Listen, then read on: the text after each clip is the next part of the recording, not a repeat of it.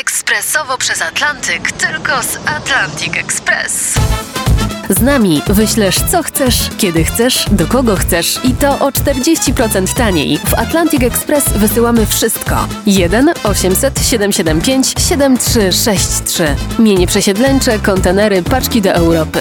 Atlantic Express o 40% niższe ceny na wysyłki, kontenerów, samochodów i paczek. Ekspresowo przez Atlantyk, tylko z Atlantic Express.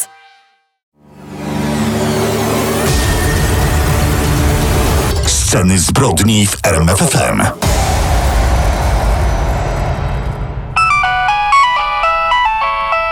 I, ja odbiorę. Halo?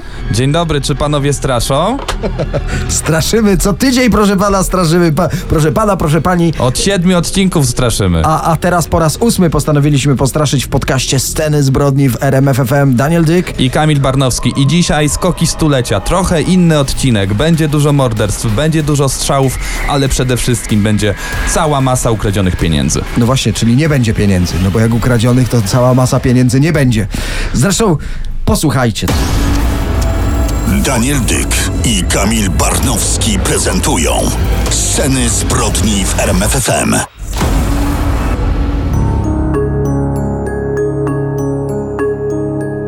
Dzisiaj y, sceny zbrodni trochę na wasze życzenie. To wy podpowiedzieliście ten temat, za co jesteśmy wdzięczni, za każdą waszą aktywność, e, to jak komentujecie, to co nam podpowiadacie.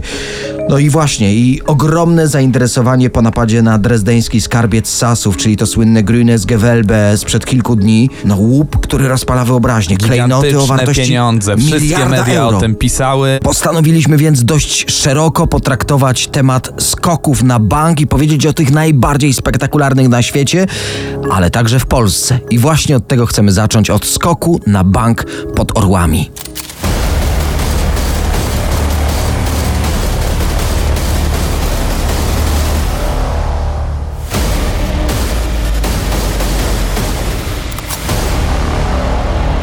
Sceny zbrodni w RMF FM czas na pierwszą z dzisiejszych spraw. To będzie niezwykle głośny napad na bank pod Orłami. Jest 22 grudnia 1964 roku, kilka minut po godzinie 18. Pod bank PKO na ulicy Jasnej przyjeżdża oznakowany samochód marki Warszawa. W nim znajduje się dzienny utarg z centralnego domu towarowego. No to taki dzisiejszy supermarket, Taki byśmy powiedzieli. hipermarket nawet. Mhm. Z samochodu wysiada główna kasjerka domu towarowego i dwóch uzbrojonych strażników. Jeden z nich niesie ciężki worek z banknotami i gdy już otwiera drzwi banku, wtedy wybiega z za rogu niski mężczyzna i strzela strażnikowi w pierś. Napastnik ucieka z workiem, w którym znajduje się, uwaga, milion trzysta pięćdziesiąt pięć tysięcy złotych. Dzisiaj ta kwota robi wrażenie, ale wyobraźcie sobie połowa lat 60. Wtedy to była równowartość ponad 700 ówczesnych miesięcznych pensji. Niewyobrażalne pieniądze. Gigantyczna gotówka. Drugi strażnik, gdy tylko próbuje wyciągnąć broń, od razu zostaje zabity strzałem w głowę przez innego mężczyznę, który też nagle pojawia się przed bankiem. Przeżył tylko kierowca samochodu i kasjerka, która widząc strzelaninę zdążyła schować się za samochodem. Przestępcy nieprzypadkowo wybrali właśnie ten moment na napad. Dwa dni przed Wigilią. Wtedy sklepy są pełne ludzi. To jest też tak naprawdę ostatni moment, żeby zrobić zakupy przed świętami, więc kasy pełne utargu. Za dwa tygodnie u nas będzie to samo, ale wróćmy do tej sprawy. Dwóch bandytów pobiegło z ponad milionowym łupem na ulicę Moniuszki, skąd odjechali niebieską Warszawą wraz z czekającym na nich wspólnikiem. To naprawdę napad jak z amerykańskich filmów. Wszystko dopracowane w jak najmniejszych detalach, dlatego ten skok na bank pod Orłami był tematem numer jeden w absolutnie całej Polsce. Mieczysław Moczar, który 10 dni przed tym napadem został ministrem spraw wewnętrznych, Miał pecha. postawił natychmiast wszystkie służby na nogi, żeby jak najszybciej dorwać bandytów. Dzięki temu, no, mógłby zaimponować towarzyszom z PZPR i udowodnić swoją wartość. Dlatego, no, milicja działała z gigantycznym rozmachem, jakiego dotąd nie notowano. Chciał z tego zrobić taki pokazowy proces. Dlatego zablokowano wszystkie drogi wyjazdowe z Warszawy, tajne patrole milicji na zaporach drogowych. Można powiedzieć, że Warszawa wygląda jak oblężona twierdza. Ale skalę poszukiwań najlepiej pokazuje fakt, że po paru dniach od skoku na bank stworzono taką specjalną siatkę składającą się z kilkunastu tysięcy agentów. Kilkanaście tysięcy. Oni pracowali w półświadku, ale na usługach milicji. To dodajmy, że w tej sprawie sprawdzono podobno ponad 10 tysięcy mieszkańców Warszawy. Już za moment spróbujemy przejrzeć niezwykle obszerne archiwalne akta pod kątem tego, kto mógł odpowiadać za zorganizowanie tego skoku. Zostańcie z nami.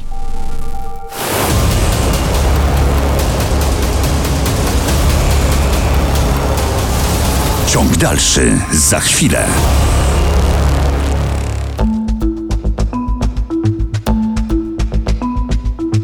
Sceny zbrodni w RMFFM i wracamy do napadu na bank pod Orłami, bo w tej sprawie jest więcej znaków zapytania niż faktów, które znamy. No właśnie, y, przeglądając akta tej sprawy, mm, trafiłem na hasło, że to największa nierozwiązana zagadka PRL-u. Mam nadzieję, że za bardzo nie spoilerowaliśmy, bo dopiero teraz chcemy o śledztwie powiedzieć. Ale w tym roku wyszły na jaw nowe fakty w tej sprawie, więc radzę koniecznie posłuchać do końca. Sam posłucham, co tam znalazłeś w takim razie, co wygrzebałeś. Dobrze, 64 rok. Y, To, co wiemy w tej sprawie na pewno, że milicja działała z ogromnym rozmachem, dysponowała bardzo dokładnym rysopisem sprawców i uwaga, na jego podstawie stworzono portrety pamięciowe bandytów, następnie odlano figury naturalnych I to rozmiarów. podkreśla wagę tych poszukiwań. Takie rzeczy się po prostu wcześniej nie zdarzały. Figury były tak podobne do sprawców, że gdy zobaczyła je kasjerka, świadek tego skoku na bank, to zemdlała na ich widok.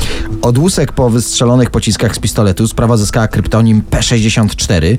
Na podstawie użytej broni śledczy bardzo szybko dokonali e, szokującego dla nich odkrycia. Napad prawdopodobnie przeprowadziła ta sama banda, której szukali od lat.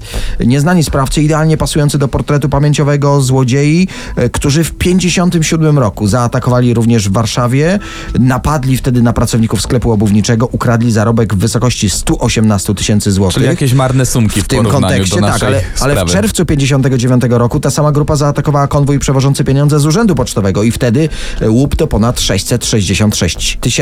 Bandyci zawsze działali według tych samych zasad, atakowali zawsze nocą, dlatego ich twarze były trudne do zidentyfikowania, mimo tego, że nie nosili żadnych kominiarek, pończoch na głowie czy też innych masek. Nie rozmawiali także między sobą ani ze swoimi ofiarami w trakcie napaści i dzięki temu ich głosy też były nieznane. Po burzliwym śledztwie sprawców napadu na bank pod Orłami nigdy nie złapano, jakby zapadli się pod ziemię, a może tak naprawdę było. Jedna z hipotez mówi, że śledczy jednak ich zatrzymali, ale wtedy miało się okazać, że bandyci to wysocy funkcjonariusze Urzędu Bezpieczeństwa. Według tej wersji pieniądze wymienili u cinkciarzy, samochód przetopili w Hucie Warszawa, władze PZPR dla zachowania autorytetu milicji miały ich po cichu zlikwidować w Ale 65 jest roku. jeszcze inna wersja, taki sensacyjny zwrot w tej sprawie, bo w tym roku w Rzeczpospolitej pojawił się artykuł, który rzuca nowe światło na te wydarzenia. Informator, który chce pozostać anonimowy, twierdzi, że skoku na bank na ulicy Jasnej dokonał Antoni S. i Adam L. Według niego panowie idealnie pasowali do portretów pamięciowych sprawców tego napadu. E, Po napadzie sam Antoni S., który był właścicielem sklepu, celowo nie płacił podatku, przez co trafił na trzy miesiące do więzienia i tam ukrywał się przed PRL-owskimi organami ścigania. Czyli patrz najciemniej pod latarnią. Nie wiem sam, co o tym wszystkim myśleć. Dodatkowo, jak opisuje informator, po skoku na bank e, tym dwóm panom zaczęło się bardzo dobrze powodzić, jeździli nawet luksusowymi samochodami, a Antoni S. zmarł w 2013 roku i został pochowany na warszawskich Powązkach. No i popatrz, i, i przedstawiliśmy dwie zupełnie różne hipotezy, Albo dwie wzajemnie się uzupełniające. a tak o tym nie myślałem rzeczywiście. Jak było naprawdę? Tego chyba nigdy się nie dowiemy. Sprawa napadu stulecia po 30 latach, czyli w 94 roku, po prostu uległa przedawnieniu. Płatni zabójcy, seryjni mordercy i sceny zbrodni w RMFFM.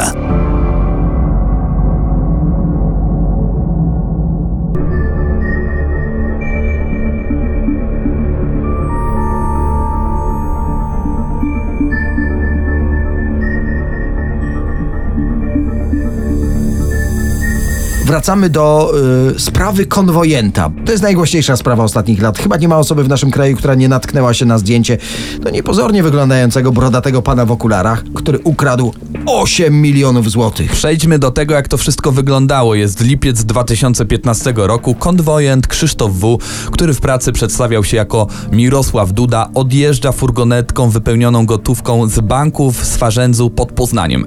W samochodzie zagłuszył sygnał GPS, następnie porzucił furgonetkę, a jej wnętrze wyczyścił chlorem, przez to niemożliwe było wykrycie jakichkolwiek śladów. Ale gotówkę oczywiście zabrał ze sobą. Sami śledczy mówili o tej y, akcji, że była po prostu majstersztykiem. Krzysztof W. w pracy zupełnie zmienił swoją tożsamość. E, Był bardzo wycofany, nie uczestniczył w spotkaniach integracyjnych, tłumaczył, że cierpi na chorobę skóry, dlatego w pracy zawsze chodził w rękawiczkach. E, Również nie pił i nie jadł w pracy, dlatego tego nie pozostawił po sobie absolutnie żadnych śladów biologicznych. W skrócie, poważny gracz dla policji. Ja dotarłem do informacji, że Krzysztof W. był z zawodu krawcem. W tej firmie ochroniarskiej, y, to wiemy, zatrudnił się kilka miesięcy wcześniej przed tą spektakularną akcją, żeby dobrze przygotować się y, do całej sprawy. Zapuścił brodę, ogolił głowę na łyso i uwaga, to jest w ogóle też, co, co za pomysł w ogóle. Zażywał leki, przez które wyraźnie przytył. No jak widać, wszystko było dopracowane w najdrobniejszych szczegółach. Ale policja bardzo prężnie działała i ostatecznie w śledztwie zatrzymano sześć osób, które usiadły na ławie oskarżonych. Czwórka z nich została skazana na wyroki od 6 do 8 lat więzienia. Byli nimi Dariusz D. i były policjan Adam K., u którego doszło do podziału łupu, Marek K., który uczestniczył w przewożeniu pieniędzy i oczywiście najsłynniejszy w Polsce konwojent Krzysztof W. Parę miesięcy temu w mediach pojawiła się informacja, że policyjna specgrupa z Poznania, tak zwani łowcy cieni, o których już y, wielokrotnie wspominaliśmy w scenach zbrodni w RMFFM, wytropili na Ukrainie ówczesnego wiceprezesa firmy ochroniarskiej, która zatrudniła tego fałszywego konwojenta. I według prokuratury to właśnie ten wiceprezes był głową całego przekrętu, za co teraz grozi mu no, ponad 10 lat pozbawienia wolności. I dzięki działaniom policji wiemy coraz więcej w tej sprawie. Problemem jest tylko jedno. Gdzie jest gotówka? Tak, gdzie są pieniądze? Podobno jest, Gdzie jest 8 milionów? podobno jest ona dobrze schowana w borach tucholskich. Ale coś tam odzyskali przecież, nie? Ze skradzionej kwoty odzyskano jedynie 330 tysięcy, a pozostałe 7 milionów złotych jakby rozpłynęło się w powietrzu. Sceny zbrodni w RMFFM.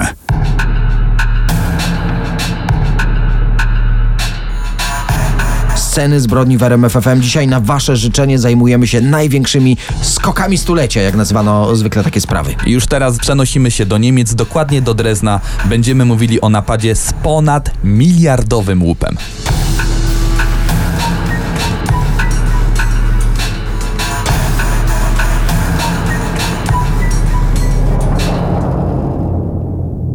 To są Sceny zbrodni w RMFFM. Śledź z nami kulisy największych przestępstw. I właściwie mogę powiedzieć, od tego się zaczęło. To było inspiracją. Grünes Gewölbe, najsłynniejsze niemieckie słowa Bardzo w Polsce słowo. i chyba na świecie. I najbardziej spektakularna kradzież ostatnich dni. Kradzież skarbów właśnie z drezdeńskiego Grünes Gewölbe, czyli zielone sklepienie. Skok stulecia, który zajął jedynie 5 minut. To, co go różni od spraw wspomnianych przed chwilą w programie Sceny Zbrodni, to to, że tutaj nie było jakiegoś misternie opracowanego planu. No tak się zdaje, ale może był, no. No nie wiem, czy planem można nazwać to, że dwóch mężczyzn z siekierami wpada do skarbca sasów i bez finezji siłą rozbija wzmocnione szkło gabloty, kradną klejnoty warte miliard. Dodajmy miliard euro, ludzie. Ale tego do końca euro. nie wiemy, bo zależnie kto by to wszystko szacował. Najlepszym określeniem byłoby powiedzieć, że te skarby są po prostu bezcenne. W każdym razie mamy tutaj kilka tytułów Mhm. z portali internetowych i gazet. E, to ja zacznę. Zuchwała kradzież w Europejskim Muzeum. Kradzież stulecia w Dreźnie. Ja mam tutaj, kto ukradł klejnoty warte miliard euro. Drezneński skarbiec Sasów obrabowany. Tutaj mam tytuł biznesowy, miliard euro w 5 minut. No właśnie, spróbujmy to 5 minut zrekonstruować dla naszych słuchaczy. Ale najpierw powiedzmy, czym właściwie jest to Grünes Gewölbe. To jest część zamku saskich elektorów. W Dreźnie nazywany jest po prostu rezydencją. Sam już mówiłeś, że to znaczy zielone sklepienie i ta nazwa przylgnęła do tego miejsca po przemalowaniu części sali skarbca na ciemnozielony kolor. Gdzieś się spotkałem i panie będą wiedziały o co chodzi, że to jest kolor malachitowy. Ale nie idźmy w to, to Ciemnozielony trudne brzmi równie dobrze. Jest poniedziałek, 25 listopada, tuż przed godziną 5 rano. Policja w Dreźnie otrzymuje sygnał od ochrony muzeum. I co ciekawe, to jest y, tak naprawdę szokujące w tej sprawie. Ochrona nie ma tam ostrej broni. Tak, tyle skarbów, nie? Nie może zatrzymać sprawców, może jedynie to, co zwykły Kowalski. Po prostu wezwać policję. Ta przyjeżdża błyskawicznie w ciągu pięciu minut, ale po sprawcach nie ma już żadnego śladu. No, ale tak się tylko mówi. Nie zostawili śladów. Śladów to akurat zostawili bardzo wiele. Po pierwsze, spalony transformator przy sąsiadującym z rezydencją moście. Tak naprawdę od tego zaczęli. Wykonali zwarcie i w ten sposób wyłączyli światło zarówno w muzeum, jak i wszystkie alarmy. Yy, bardzo ważnym śladem jest także nagranie z monitoringu w I skarbcu. tutaj widać dwóch mężczyzn zamaskowanych, którzy wbiegają do środka. Jeden z nich bez trudu rozbija toporem szkło gabloty, w której przechowywano klejnoty z początku XVIII wieku. Powiedziałeś bez trudu. To też jest bardzo ciekawe, bo producent tego grubego szkła zabezpieczającego gabloty zapewniał, że a, no nie ma żadnych szans, nie, nie ma. Nie, nie ma takiej możliwości rozbić taką taflę w mniej niż kwadrans. No ale o pięciu minutach nikt nic nie mówił. E, Jednak, a propos Twojego twierdzenia o tych śladach, najważniejszych śladów, które by pozwoliły zidentyfikować sprawców, przynajmniej na razie nie zostawili. I już za moment o najnowszych ustaleniach policji w trwającym śledztwie. I o polskich wątkach tej sprawy. Są takie, zostańcie z nami. Sceny zbrodni w RMFFM.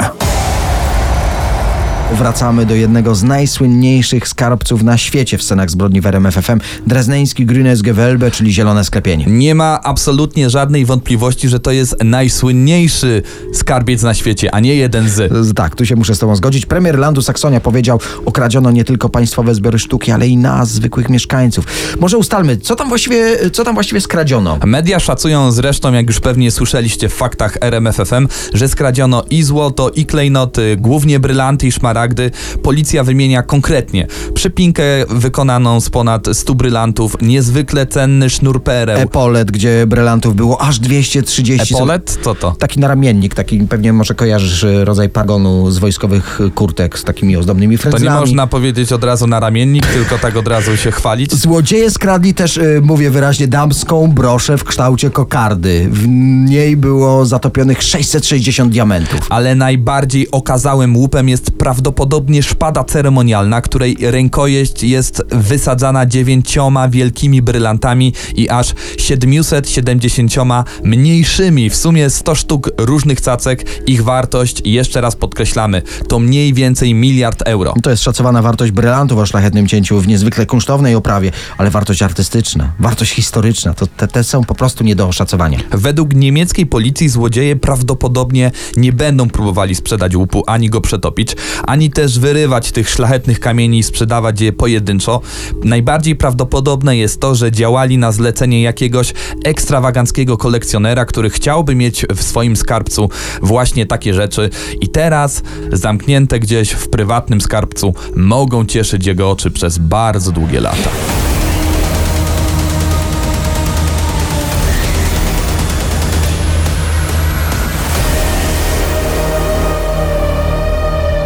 Obiecaliśmy polski wątek kradzieży w Dreźnie.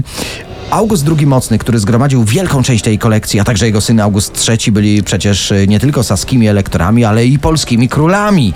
Y, Część tych klejnotów wiąże się też z historią po prostu naszego państwa. Y, Skradziono m.in. gwiazdę Orderu Orła Białego, najstarsze polskie odznaczenie. O, tego nie wiedziałem. Ustanowione właśnie przez Augusta II. Jest też ciekawa legenda, tego też możesz nie znać. Część tych klejnotów August Mocny zastawił u warszawskich jezuitów, dostał od nich ogromną pożyczkę, podobno to coś było z 100 beczek złota, jeśli, jeśli pamiętam. Fajnie mierzono wtedy złoto na beczki. Dzięki, dzięki której Suto karmił i bardzo obficie poił polską szlachtę w trakcie elekcji, by ta wybrała go na króla. I z tego co słyszałem, pożyczka się zwróciła. Tak. Później z polskich podatków powiększył kolekcję tych arcydzieł sztuki jubilerskiej, ale no ja się spodziewałem raczej, że powiesz o polskich wątkach, ale kradzieży, a nie samych skarbów. No i właśnie, te też były.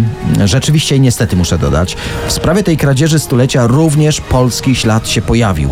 Policja ustaliła, że oprócz dwóch złodziei w skarbcu widocznych, jak wspomnieliśmy na monitoringu, były jeszcze dwie osoby czekające w aucie przed Grünes Gewölbe. E, Ten samochód Audi A6, tak, który został spalony na parkingu na obrzeżach Drezna. No i właśnie przy tym parkingu znajduje się wjazd na autostradę w kierunku jakiego kraju, proszę pana? W Polska. kierunku Polski, tak. Ale to naprawdę jest tak szyte grubymi Ale nićmi, poczekaj, że... poczekaj, słuchaj dalej. Ustalono też, że na tym parkingu przez dłuższy czas parkował samochód z polskimi tablicami rejestracyjnymi, tak jakby czekał, no i akurat w dniu kradzieży odjechał. Przypadek? Dobrze, że w okolicznym sklepie nie sprzedawano jeszcze polskich jabłek. Wtedy już byśmy mieli naprawdę wszystkie Kombo, tak. dowody zbrodni. dowody. Ale przejdźmy do tego prawdziwego śledztwa. Wpłynęło ponad 200 zgłoszeń od różnych świadków. Policja wyznaczyła też nagrodę, aż pół miliona euro za pomoc w ujęciu sprawców.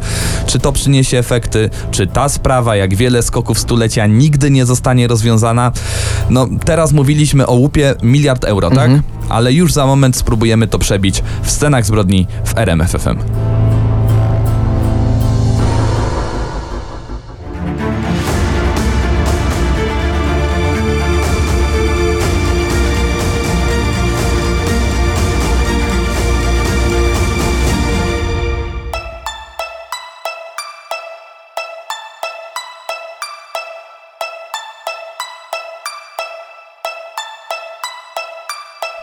Sceny zbrodni w RMFFM i dzisiaj największe napady na bank. Ale na koniec mamy dla was coś specjalnego. Tak, największa kradzież w naszym zestawieniu to po pierwsze, mówi się, że zniknęło od miliarda do 3 miliardów dolarów.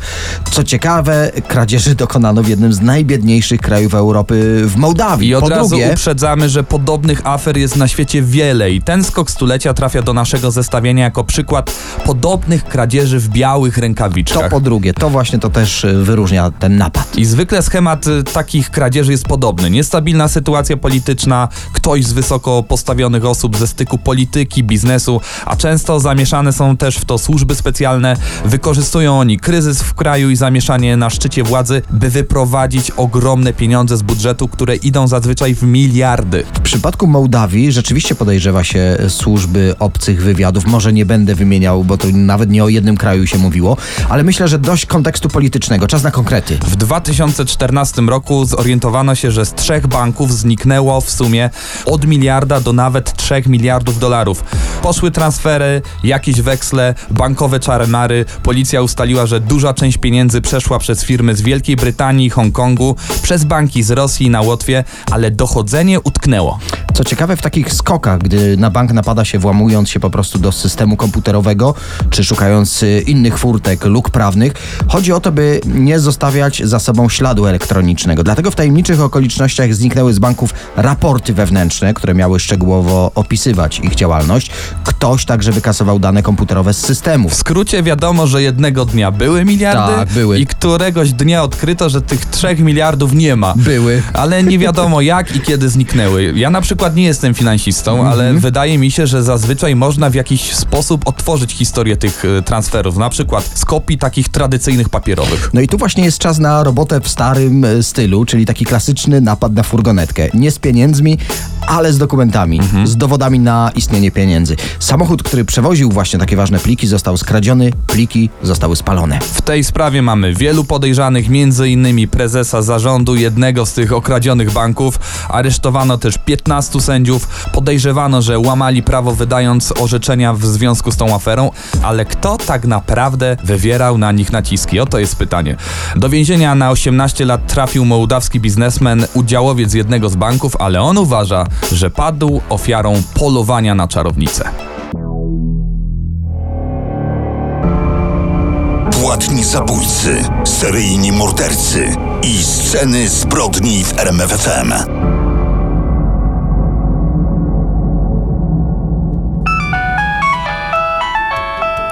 Halo? Halo? E, No proszę pana, bo pan dzwonił e, z pytaniem, czy, czy my straszymy. Tylko ja nie zdążyłem ustalić, czy pan chciał, żebyśmy straszyli, czy pan nie chciał, A ja żebyśmy słuchałem, straszyli. tam się całkiem straszy, także, także dziękuję. Proszę bardzo, mam nadzieję, że i, i pozostałych słuchaczy postraszyliśmy i że tego właśnie się spodziewaliście, klikając na podcast Sceny Zbrodni. No bo chyba tutaj nikt przypadkiem nie zajrzał albo kliknął Sceny Zbrodni i spodziewał się, że będziemy mówić o najnowszych trendach w modzie. To nie ten program, to nie ten podcast. I czekamy na wasze komentarze, wasze sugestie. Ósmy odcinek Skoki Stulecia na pewno by nie powstał, gdyby nie wasza uwaga. Zrobiliśmy to przecież specjalnie dla was.